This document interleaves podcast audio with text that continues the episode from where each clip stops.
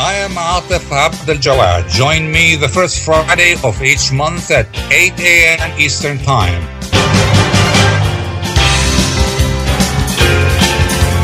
I will be discussing some of the most important issues and events in the Middle East live on America's Voice of the Arabs.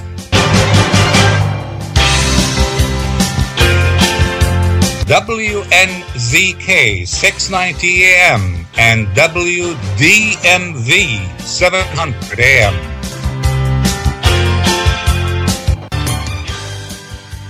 Good day, everybody. Both Israel and Saudi Arabia claim that every day brings them closer to normalization. Saudi Arabia asserts its commitment to the establishment of an independent Palestinian state as part of any deal.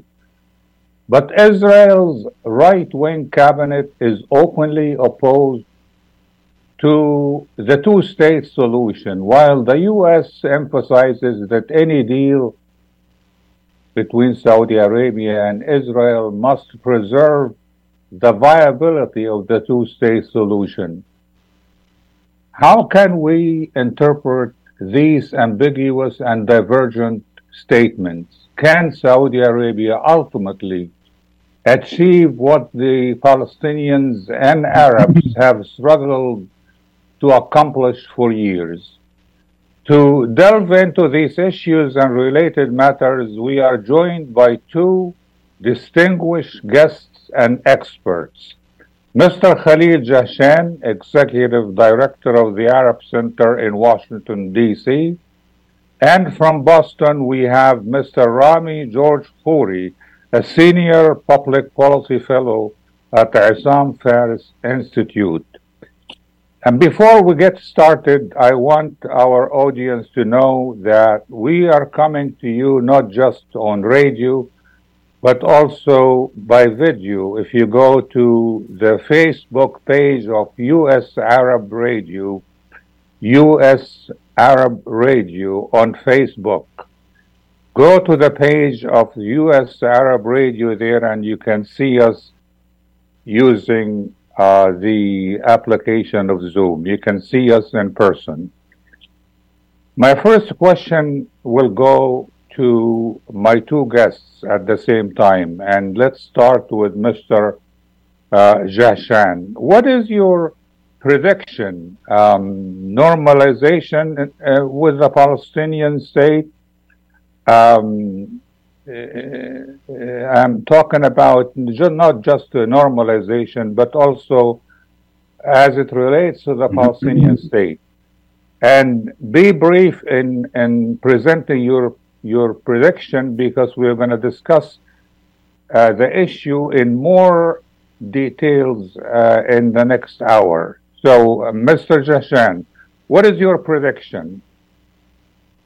Uh, it's very difficult to predict uh, what this uh, current situation would lead to, frankly. But I would venture and say that the normalization, quote unquote, train is out of the station. My guess is that Saudi Arabia and Israel will proceed as declared by both sides and as facilitated by the United States will produce uh, some kind of rapprochement between uh, Riyadh uh, and Tel Aviv. Whether that will impact positively uh, the Palestinian issue, I doubt that. I don't think we are going to see a Palestinian state soon. Mr. Khoury.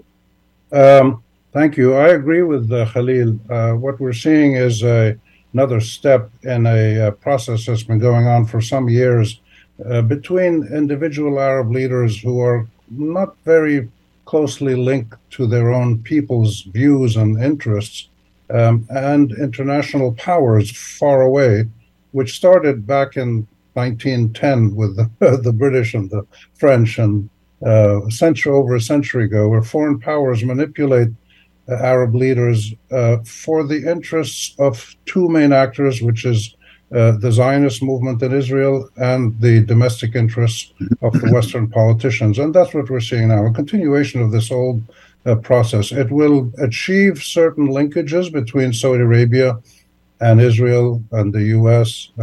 And the Palestinians and other Arabs will get very little uh, out of this. Uh, we've already seen with the last three years since the Abraham Accords that this process uh, has strengthened the autocratic tendencies across the entire Arab region and especially in Palestine. So this is not a very hopeful uh, moment unless you're, uh, you know, you're a um, investment banker like uh, Jared Kushner and you get two billion dollars out of the Saudis for your fund. Uh, these are the personal gains that uh, people get and political gains that people get. Um, but not really anything linked to the rights of the Palestinians, which is a battle that goes on in many different arenas and different forms. Mr. Jahshan, you have written an article uh, about the appointment of Mr. Ambassador Sudairi, um, Saudi ambassador to uh, Palestine. So, uh, explain to us how do you interpret what is the purpose of that appointment?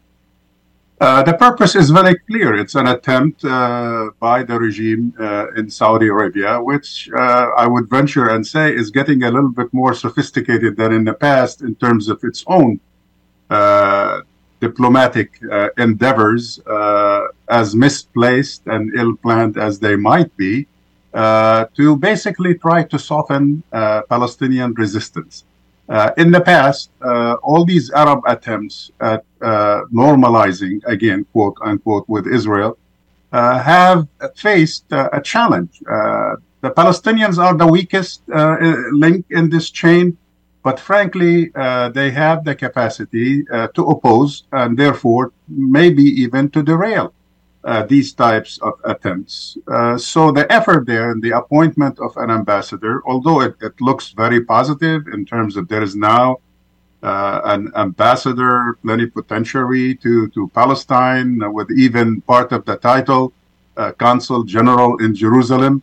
And, and notice the silence on the Israeli part who have annexed Jerusalem and uh, never expressed any desire to share it with anybody and therefore uh, you have to, to, to, question and read between the lines as to the objectives uh, uh, of this uh, step. It is essentially to neutralize any potential Palestinian resistance uh, to this new, uh, in, in a long series, as Rami just explained, a long series of agreements in the past uh, to normalize relations. And uh, it, it is part and parcel of, of uh, basically the resignation uh, of most Arab countries from the Palestine question. Mr. Khoury, uh, you and Mr. Jahshan um, are both uh, pessimistic about the prospects of establishing a Palestinian state in return for normalization. Um, tell us, uh, if you will, about the Saudi conditions for normalization. I mean, the, the, these conditions seem to have softened over the past few weeks, but what are they? I, I don't think there are any clearly spelled out ones uh, that the Saudis have agreed on. There are ideas in the mind of the Crown Prince and Prime Minister of Saudi Arabia, Mohammed bin Salman. He knows what he's trying to do, um, and the conditions uh, keep evolving. Uh, this is a political process.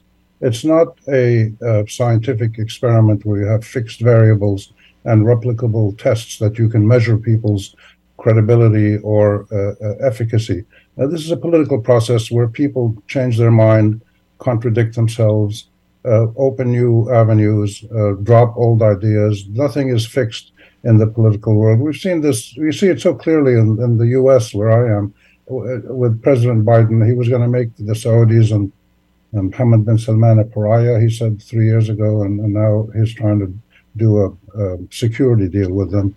Um, and, and Joe Biden just reversed himself on building a wall on the uh, Mexico US border. So the political leaders political actors have no fixed criteria or uh, ethical standards. Uh, their standard is to stay in power. And the three people, Netanyahu, Biden, and uh, Mohammed bin Salman, have all of them have domestic pressures on them um, uh, or issues of international credibility that they're trying to improve by uh, coming up uh, with this deal. So therefore, the the, the criteria for normalization that the Saudis uh, keep putting out there keep evolving. it depends on on the season, depends on uh, on the trends, what's happening in Ukraine, what's happening in EU funding for the Palestinians, what's happening in the domestic American Congress. There are many variables in politics that keep changing. Um, but the Saudis were clear, uh, you know, 20, 22 years ago with the Arab peace plan, full relations with uh, the Israeli state, open borders, trade, everything, in return for full Israeli withdrawal and a Palestinian uh, state. They seem to have dropped that. Uh, it's on the paper, though. But even there, sometimes Saudi ambassadors mention this. Uh, the crown prince mentioned something else. So we shouldn't really take seriously, or we shouldn't cling to statements by any official, Saudi, Israeli, American, uh, because these keep uh, uh, keep evolving. Um, but it's clear that the Saudi desire, like the Israeli, like the American, is for their domestic political interests, uh, and and therefore, what they say on the Palestinians uh, will will keep evolving uh, over time as well, and we shouldn't be surprised at that. Uh, nothing serious is going to change in that respect until the Palestinians one day somehow achieve a credible unified national movement once again, which they had 20 years ago under the PLO and Yasser Arafat. Uh, until that happens, we're going to continue to see uh, this trend.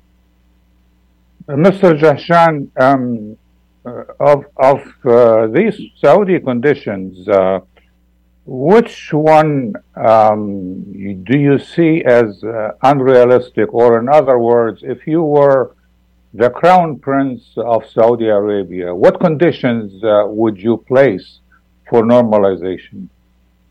Uh, First of all, Atef, it's important to point out uh, to our audience that the negotiations that are taking place are not necessarily Saudi Israeli negotiations. Uh, what we're having here is Saudi American uh, negotiations for purely Saudi uh, uh, American objectives.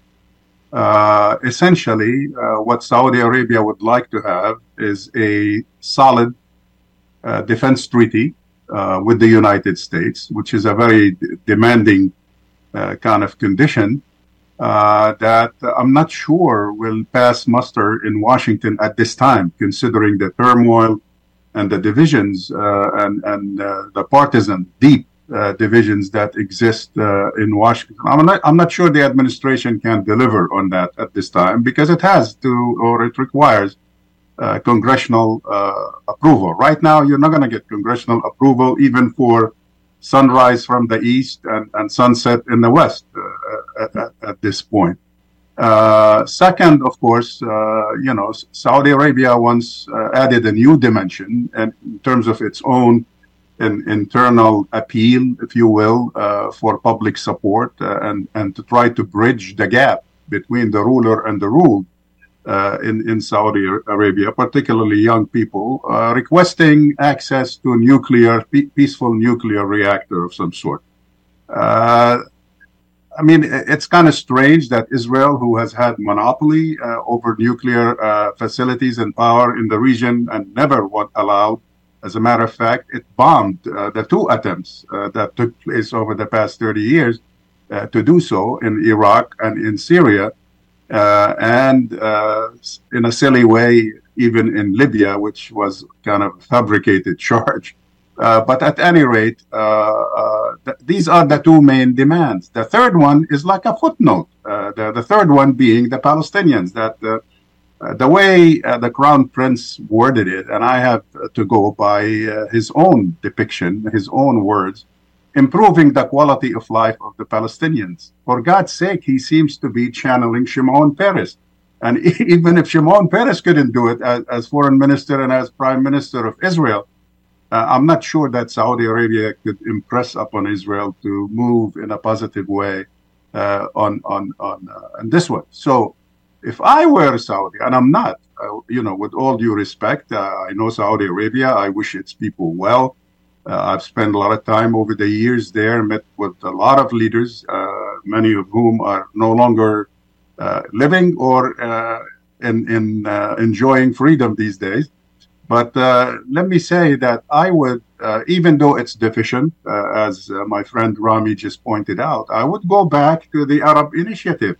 The Arab Initiative was proposed, but it was never really uh, sold properly. It was never marketed properly, allowing Israel to refuse to even deal with it. Do you know that this most generous Arab offer to Israel to have peace with it in, in a detailed way?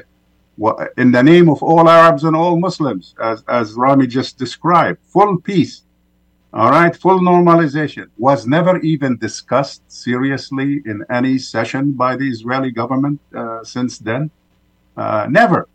And uh, so, what changed? Uh, nothing except uh, m- more negative development. The current government in Israel is incapable of dealing with that. They are playing games. They are, they are basically trying to reap the fruits of, of U.S. servitude, trying to serve uh, U.S. Uh, trying to serve Israeli interests at the expense of U.S. interests by mediating this conflict, and and trying to claim that they achieved progress on the Palestinian side, but without doing so. In other words, regional peace, regional normalization uh, at the expense of the Palestinian and the Palestinian cause. I do not think the plan, even though, I, you know, Rami made it clear that there are different contradictory statements uh, by the Saudis thus far. Uh, even if you take the most positive uh, statement, which is the one by the foreign minister, I think it seemed more thoughtful, a bit uh, maybe more diplomatic, uh, more detailed uh, than the crown prince in in basically specifying what is expected Saudi wise from the Israelis. Uh, but even if you take that uh, seriously, uh, I, I, don't think the Israelis are capable of doing that. I don't think the Americans are able to deliver it. Expecting America to deliver Palestine, a free Palestine, on a silver platter to Saudi Arabia at this time is the ultimate, ultimate idealism and, and uh, naivety. When we come back after the break, I have a question for Mr. Khouri. Is the Palestinian state dead after the break? Get ready for an amazing experience at Ishtar Restaurant on 15 Mile Road in Sterling Heights. Enjoy excellent hospitality from owners Ali Al Baghdadi and Fatty Bonham, serving the best in Mediterranean food. Try Chef Ali Al Baghdadi's famous shawarma, the best Iraqi grills and food, and the best Arabic and international dishes. Dine in our authentic atmosphere or take out. Call 586 698 2585 or check us out on Facebook. Ishtar Restaurant practices all CDC guidelines and is open every day 11 a.m. to 10 p.m. Have an amazing experience today at Ishtar Restaurant, 3625 15 Mile Road, Sterling Heights. Life for Relief and Development has now been rated as one of the best charities for humanitarian aid. Life's humanitarian projects span the globe, and Life is celebrating its 30th anniversary of providing essential life saving aid to people and communities in 36 countries, regardless of race, color, religion, or cultural background. Where there is life, there is hope, and when disaster occurs here or around the world, including being one of the first responders to the Turkey Syria earthquake crisis, Life for Relief and Development rushes in to provide provide food, medical aid, and shelter to those in need. We are looking to help the earthquake victims, and we take 0% overhead on emergency donations. So please help improve these efforts. Learn more about our involvement to help the helpless and bring hope where it's needed most, and make your tax deductible donation to Life for Relief and Development now at lifeusa.org or call 248 424 7493. That's 248 424 7493.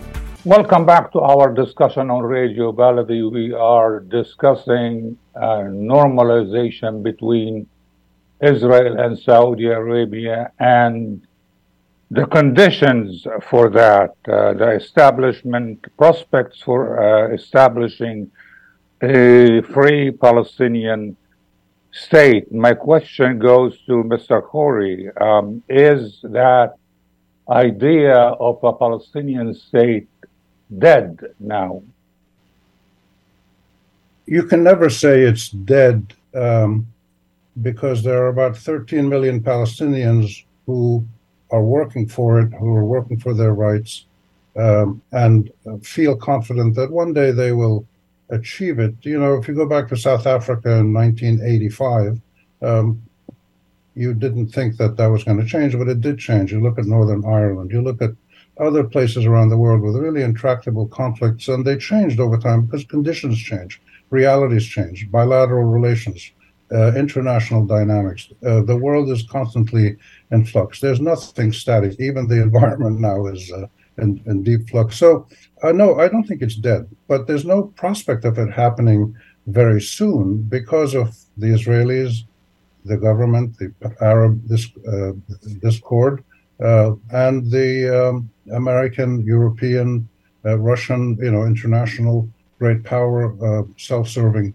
uh, policies. Uh, but I can tell you, the Palestinian state is is very much alive in the hearts of the 13 million Palestinians. I just came back from a weekend in Philadelphia at an event called the Palestine Writes. It's a festival of literature and poetry um, and drama and cultural production among Palestinians. They were expecting six, seven hundred people. They got 1,400 Palestinians. And I can tell you also that what was so powerful about that event was the immense uh, commitment of young Palestinians. I would say three quarters of the people there were under the age of 35.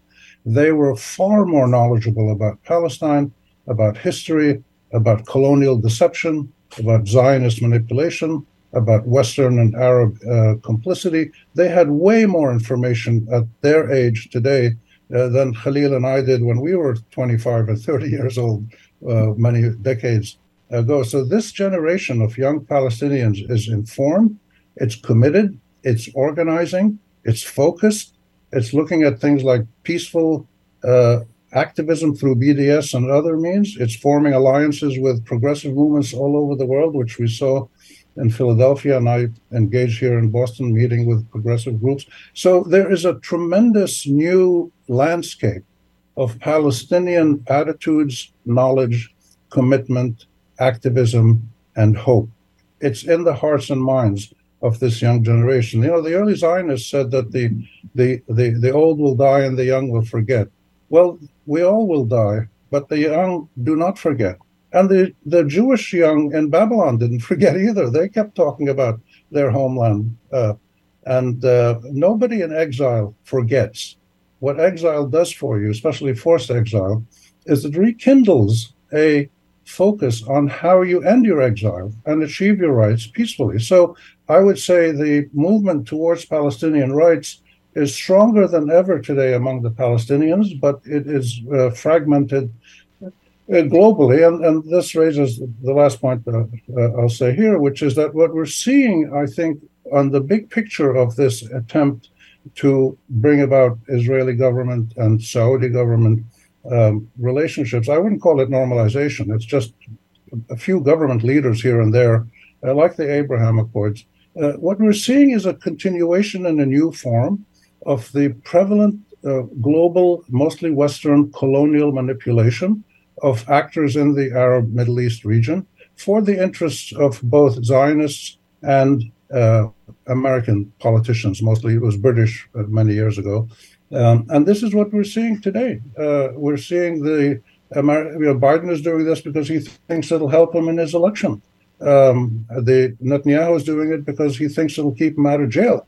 Mohammed bin Salman is doing it because he's desperately, desperately trying to develop international uh, credibility and legitimacy, um, which uh, Arab leaders never try to achieve with their own people, with the consent of their own people, but they look for it uh, abroad. So we have to keep the big picture uh, in mind. And in that context, what uh, the Palestinians are doing is just going on their daily business, uh, tough as it is uh, meeting, organizing, talking, analyzing, um, forming alliances, and it's very powerful. But it's not yet uh, operative on a regional or a global political level, but it will be one day.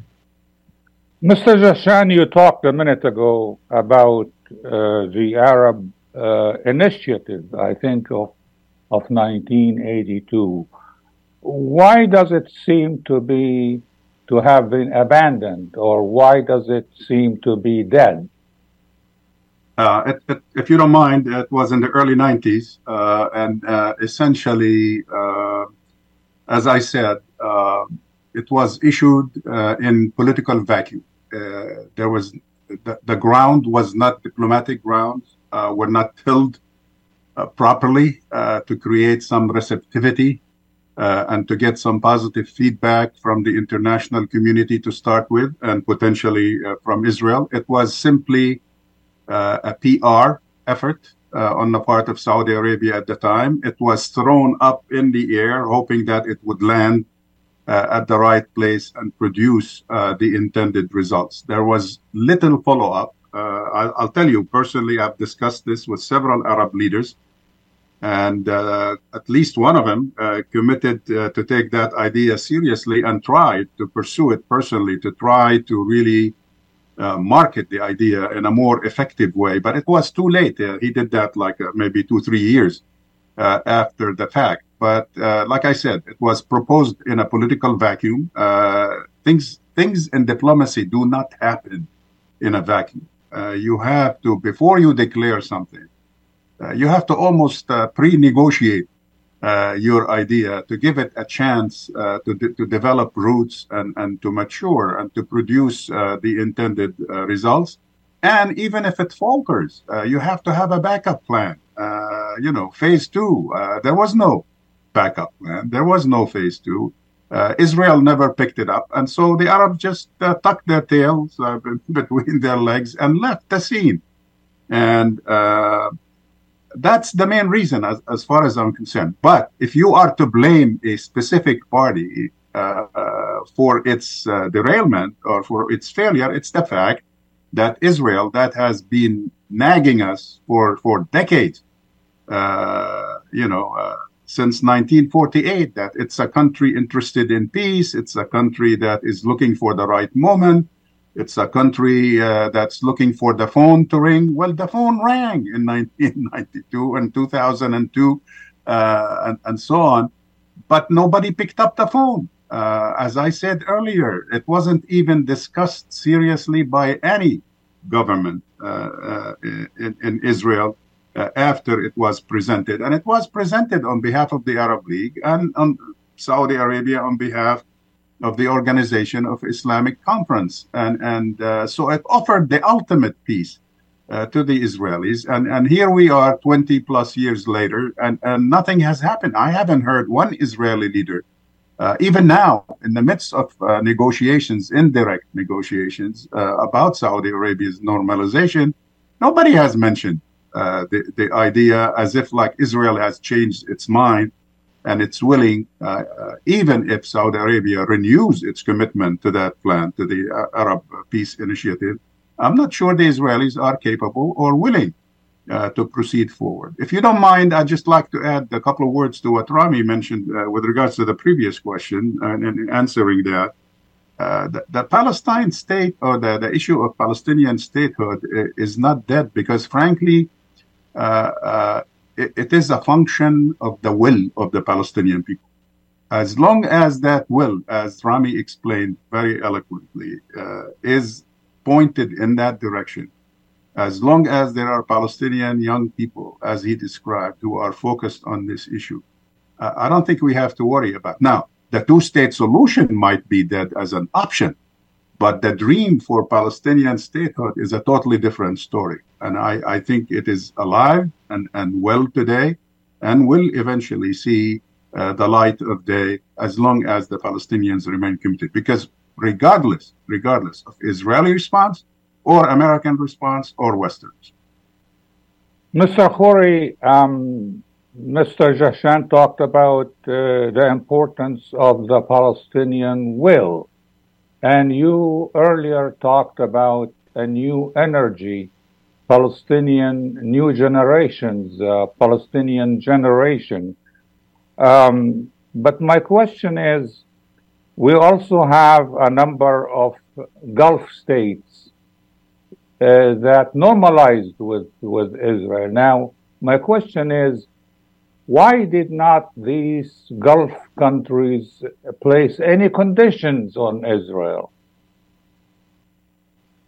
I, I don't know the exact answer to that because I'm not in touch with the Gulf leaders, so you'd have to ask them. I'm not sure They know why they didn't place any conditions, but I think it's clear that political leaders who entered into the Abraham Accords did so for very narrow self interest, political self interest. Americans, Israelis, Emiratis, Bahrainis, and then Sudanese and Moroccans. Each one, it was a, a commercial deal. And of course, like I said, Jared Kushner hit the jackpot. He got $2 billion from the Saudis to invest in his uh, fund um, and that was the aim of this process. It's no accident that every time an American attempt is made, and it's made every seven, eight, ten years. I've been watching this since the late 1960s when I was in college.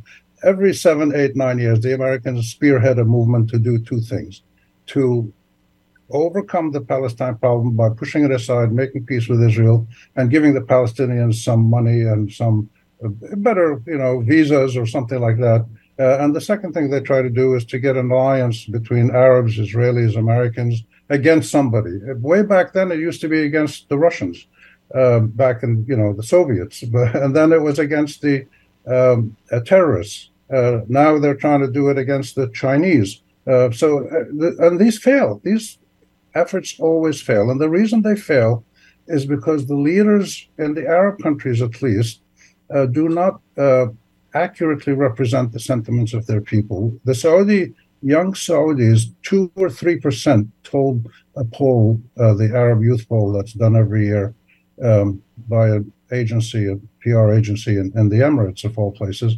Only two or three percent of Saudi youth uh, support normalization with Israel, uh, and and surveys by the by the Arab Center, we linked with uh, Khalil's uh, Center and, and, and, Doha and Washington, their, their surveys consistently uh, show that somewhere around between 65 and 95 percent of Arabs uh, don't want to have normal ties with Israel.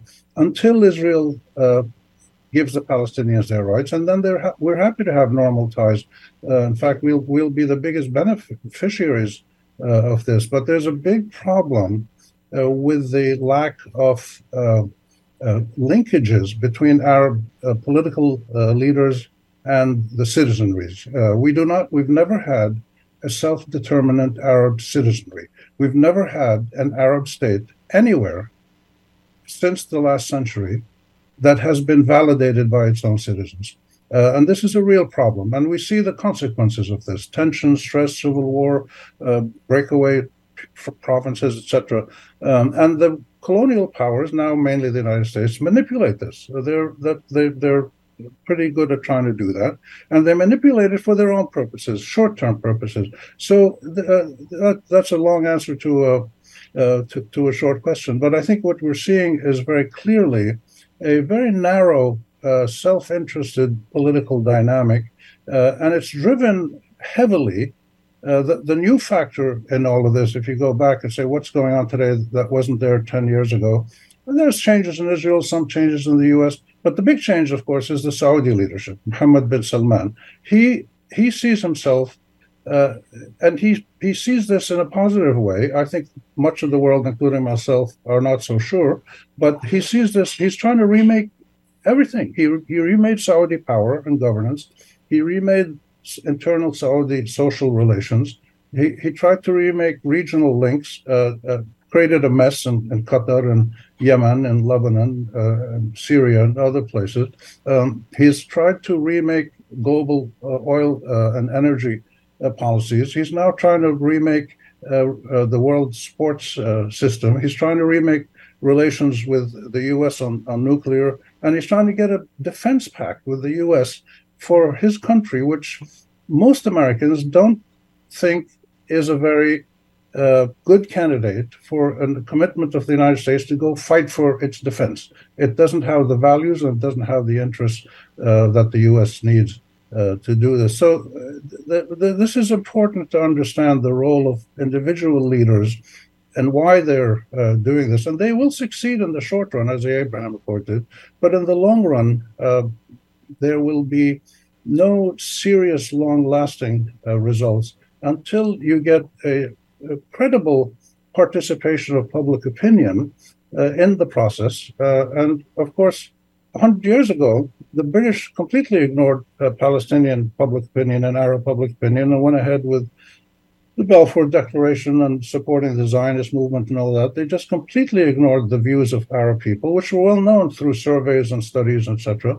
And now we're seeing the same thing uh, again, and it just doesn't work. You can't do it any more than you could do it in Birmingham, Alabama in 1955 and ignore the will of the black citizens and just support the white racist uh, leaders. You can't run a society by ignoring the will of its majority.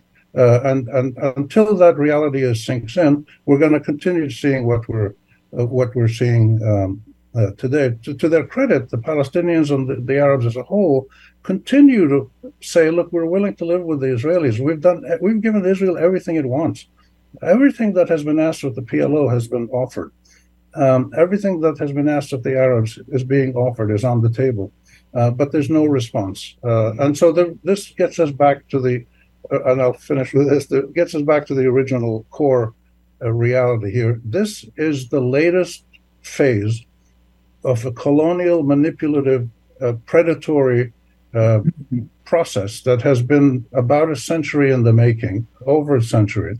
And this is just the latest manifestation of it. It keeps changing uh, phases, colors, etc., actors, and, and and until we decolonize relations between Israel and the West and the Arab countries, we will continue to have these bursts of uh, uh, PR uh, uh, activity, but no real substantive action uh, on the ground. Anger will continue to expand. And you're dealing with an Arab region with about 70, 75% poverty among the population. There's tremendous stresses within these societies, and they keep coming to this uh, surface and demonstrations and immigration and terrorism and, and criminal activity, all kinds of things. So uh, we need to look at this issue of the Saudi leadership normalization with Israel in a much wider uh, context, which of course the leaders themselves don't do because they're just concerned about their narrow, immediate uh, interests.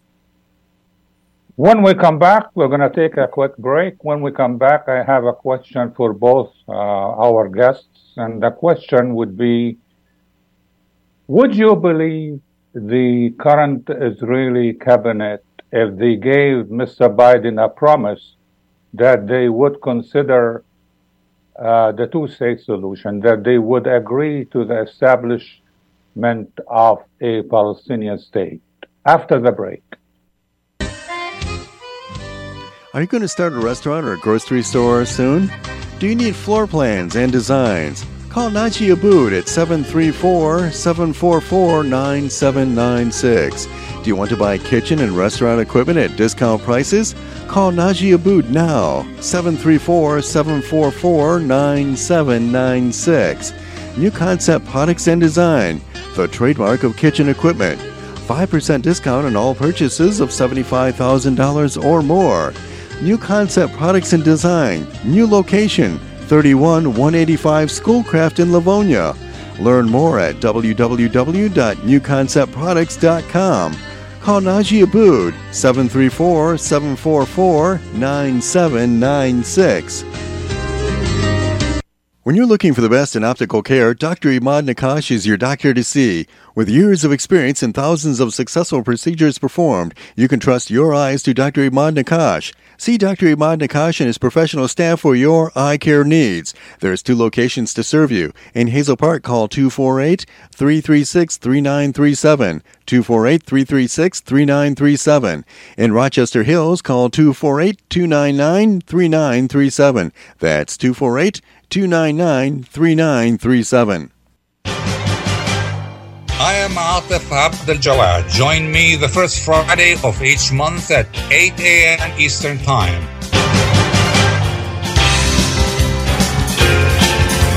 I will be discussing some of the most important issues and events in the Middle East live on America's Voice of the Arabs.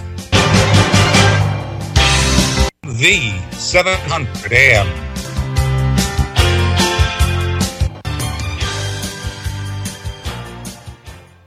Welcome back to our uh, discussion on Radio Baladi, the normalization between Israel and Saudi Arabia and the prospects for a Palestinian state. My question now for both uh, my guests, and let me start with uh, Mr. Jahshan. Um, another militant Israeli Prime Minister, Menachem Begin, made peace with Israel, with, uh, with Egypt, and uh, returned uh, Sinai to Cairo. Uh, now, how, if the current militant far right wing cabinet in Israel, uh, if they give uh, Mr. Biden a promise, verbal promise, that they would consider a two state solution, would you personally believe them? Mr. Jahshan? uh, absolutely uh, not, and I'll, I'll, tell you why. First of all, uh, the agreement you referred to, uh, Begin Sadat, or the return of the Sinai uh, to Egypt was very easy for Israel to do that. The Zionist movement has been readily expressing since the 30s uh, desire to sign peace with Arab countries, uh, but not uh, not with the Palestinians. Uh, the Palestinians, for them, is a more existential problem. the agreement with Arab countries usually doesn't include territorial concessions uh, Sinai belonged to Egypt, and it was returned to Egypt under uh, basically global, global pressure uh, or under uh, duress. Now, what is Biden doing, and what does he expect? I think personally, in spite of his uh, professed uh, Zionism and, and bias toward Israel, having dealt with him personally, I can tell you. it's, it's a very consistent attitude on his part that goes back many, many, many years he doesn't believe Israel could do wrong. Now, he has issues with Netanyahu and with the current government. I think personally that he and his aides have given up on the current government. I think down deep, they are hoping that uh, this maneuvering with Saudi Arabia somehow indirectly will lead to a collapse of the current Israeli government, and a new government will emerge either, either as a coalition with, with including possibly Netanyahu, uh, with others that, that, the administration perceives as more positive. Uh, this is the reason for the secret meeting last week at the White House with, with Gantz. Uh, they are kind of setting up other people uh, to take over who might be willing to toy with the idea uh, of uh, so-called improving uh, the quality of life of, of, the Palestinian in the territories, including uh, verbal, at least, commitment to the concept of a two state solution. Whether they can deliver on that or not, because I'm not sure. The Israeli public itself has shifted, both right and left. So I'm not sure even if, if there is a left left in Israel, whether that left uh, can even uh, deliver. So I think, uh, Atef, the administration is beyond that. Uh, they know that the current go- they don't believe the current government, and they know that it won't take them, it doesn't take them seriously, and it won't deliver on on their demands if their demands are indeed a statement. Uh, I would guarantee you that the in the negotiations with the Saudis, uh, the current administration is not asking for statehood for the Palestinians. Uh, as a matter of fact, the, you know, even though they were the ones that put the issue on the agenda, not the Saudis, initially the Saudis did not ask for anything on, on Palestine. Uh, the Americans thought that it would be a timely uh, or a good opportunity uh, to raise the issue at this time, uh, to soften opposition in inside Saudi Arabia, and to make the agreement uh, more palatable, if you will, to the Saudis to try to protect MBS from his own politics, if you will. But they do not expect the Israelis uh, to deliver. And that's why I think down deep, if, if Biden was with us on this program right now and we corner him, he would probably tell you he would rather see a different government that is willing in Israel, that is willing uh, to move forward on that. But that uh, is, again, with the wishy washy approach uh, of the administration, uh, I'm, I'm not hopeful that they will even succeed uh, in this. It would be very, very difficult. It would require a lot more energy uh, from the administration to bring down this extremist uh, government, uh, the most radical ever in the history of Israel. Mr. Khouri. Yeah, I, I would uh, add to that. I agree with it all. And I would add to it that we really need to analyze two major dynamics here as we look at this process. One is the nature of the Saudi leadership, because that is really the only really new thing that is uh, uh, in this picture. And the second is the nature of public opinion uh, in Israel, the, the gradual expansion of settlements and the right wing movements and the, the pandering to them by Netanyahu and other governments over the years to give them more power and more privileges uh, has created a monster in Israel, uh, which is a fascistic, uh, na- super nationalist, uh, ethno superior, uh, racist apartheid state. And this is what Zionism was from the beginning. So, what you're seeing in Israel today is the kind of ultimate expression of Zionism in its worst dimensions. Zionism for many Jews is a noble and good thing. They see it as a return to their ancestral land and to live in peace with their neighbors. And a few Zionists said that back in 1910, 1920, but not many. Uh, but for most Zionists, this is the assertion of Jewish supremacy in a land that is exclusively Jewish, uh, which most of the world doesn't recognize in those terms. Uh, but this is what we have and it's it's come about through decades and decades of policies inside Israel, uh, acquiescence in the U.S. and other Western powers, uh, and funding and armaments, and uh, lassitude, uh, incompetence, uh, and uh, uncaring views among Arab and other countries in the region. So we we have this monster in Israel now, which is radical right wing fascist. Um, attitudes, and it's not easy to get rid of that. If there if if if there's an election again in Israel today, it's possible that you might get a bigger role, a bigger share of uh, uh, votes coming to the to the right wing. We just don't know. I mean, that's one of the good things about elections is you don't know what they're going to uh, produce. If the Israelis are offered a genuine peace deal that is credible and they believe it, and it, it gives them what they want, which is to live in a Jewish majority state in the land of Palestine and Israel, be accepted by their neighbors and have normal relations with security guarantees. If they get that, they might you might get a majority of Israelis who will say, "All right, let's do it." But there's no uh, picture of, no sense of that uh, in the air these days right now, um, and so it's going to take a long time to get away from where we are now inside Israel uh, to get the Palestinians organized and mobilized and focused, uh, to get the Arabs uh, more alert to the uh, failures of their reliance on autocratic repression and buying now, uh, you know, surveillance equipment from the Israelis as the latest uh, thing that they see they can get from Israel. It takes time for countries to realize that this doesn't work in the long run. You can do it for 10 years, 15 years, uh, but it eventually destroys your society. And, and many countries around the world have realized this. Uh, so I think that we, we need to understand the long term nature of this dynamic where we are. We're at a very low point of it right now. Uh, but the the dynamics of people's sentiments, identities, aspirations, their sense of their rights, and their anchorage in international law, which remains very strong. Um, this is still there. So we, we just need to be patient and keep uh, keep working.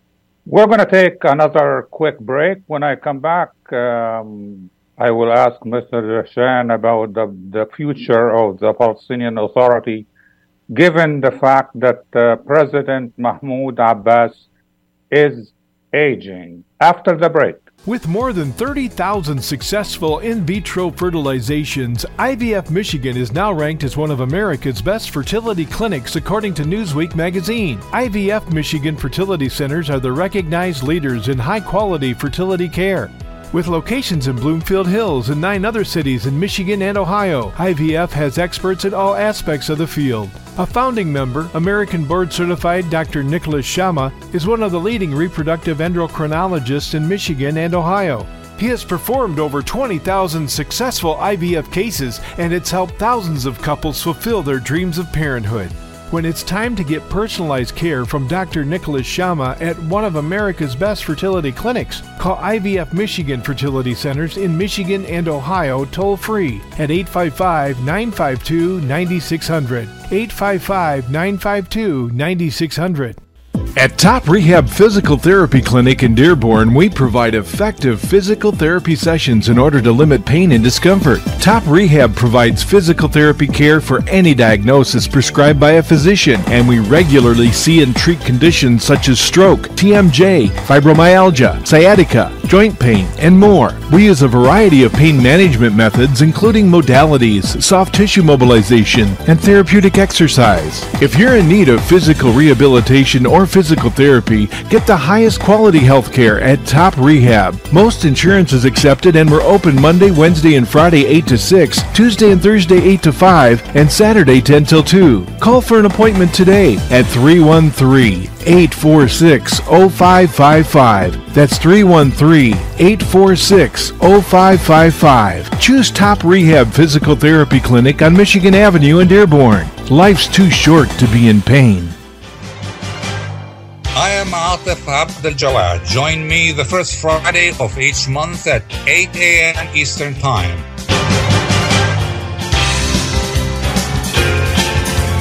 I will be discussing some of the most important issues and events in the Middle East live on America's Voice of the Arabs.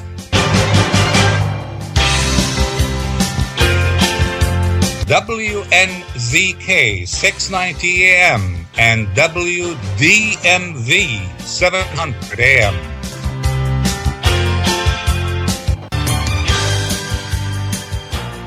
Welcome back to our discussion on Radio Baladi normalizations between Israel and Saudi Arabia and the prospects for an independent Palestinian state. That's the topic of discussion. My question now for Mr. Jahshan, as we know, President Mahmoud Abbas is aging. Do you, how do you see the future of the Palestinian Authority? Uh, very grim, uh, frankly. Uh, the issue is not aging. I mean, we're all aging, as you could tell by the color of my beard. But, uh, but seriously, uh, I, I think uh, definitely. I mean, Abbas is in his late 80s. That the challenges for Palestinian nationalist movement keep increasing. Uh, the Palestinian Authority, which was meant uh, to be temporary, to, to lead to, to, building of state institutions, particularly democratic state institutions, have not been uh, very successful. There is uh, a lot of dissatisfaction taking place uh, in in Palestine right now. As as we speak, Atef, there's an, an interesting piece of analysis in the Israeli media in, in Haaretz today by one of Israel's, I think probably most shrewd analyst, uh, Amos Harel. And uh, the title of it is It's Not Yet an Intifada, but the West Bank is, head, is heading towards an eruption. Why is there uh, that, that tension there? Because people are unhappy not only with Israeli occupation, uh, which has been now what? Uh, in, in existence since 1967, 50 some plus, uh, you have, you know, half a century.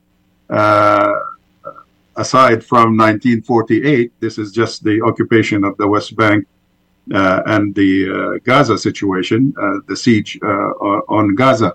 But what we have today is this killing du jour that's happening every day, every day. I mean, you know, Rosh Hashanah gift. Uh, this is the new, the Jewish New Year to the Palestinian people over the past 48 hours was killing four or five Palestinian people and it's continuing. Uh, the, the number is approaching 300 since uh, January, since Netanyahu returned uh, uh, to power. And, and Mr. Biden is talking about the possibility of improving the quality of life of, of the Palestinians. That is not happening.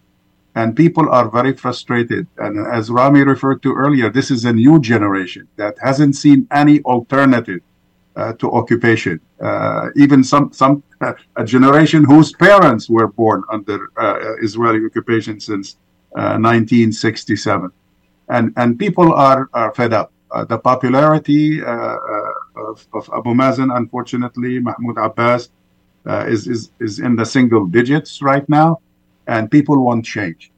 And uh, the only alternative right now, uh, as far as I'm concerned, uh, for uh, the future uh, of the PA is for the PA to resign, to call for, but not necessarily just part the scene suddenly overnight, but set up the stage for elections, internationally supervised and supported elections and uh, that could lead to alternative leadership that's more committed to democracy uh, and more focused on ending the occupation. Mr. Khouri, as you heard uh, from Mr. Jahshan, he is calling for a fair and free election um, among the Palestinians, and uh, that election uh, will probably produce uh, another Hamas led government or a Hamas jihad government. Um, my question uh, then would be what would be the fate of Hamas and jihad if Saudi Arabia succeeded in uh, bringing about a Palestinian state? Well, um, I, I, tell you, Atef, I've been in the business of journalism in the Middle East for 55 years now.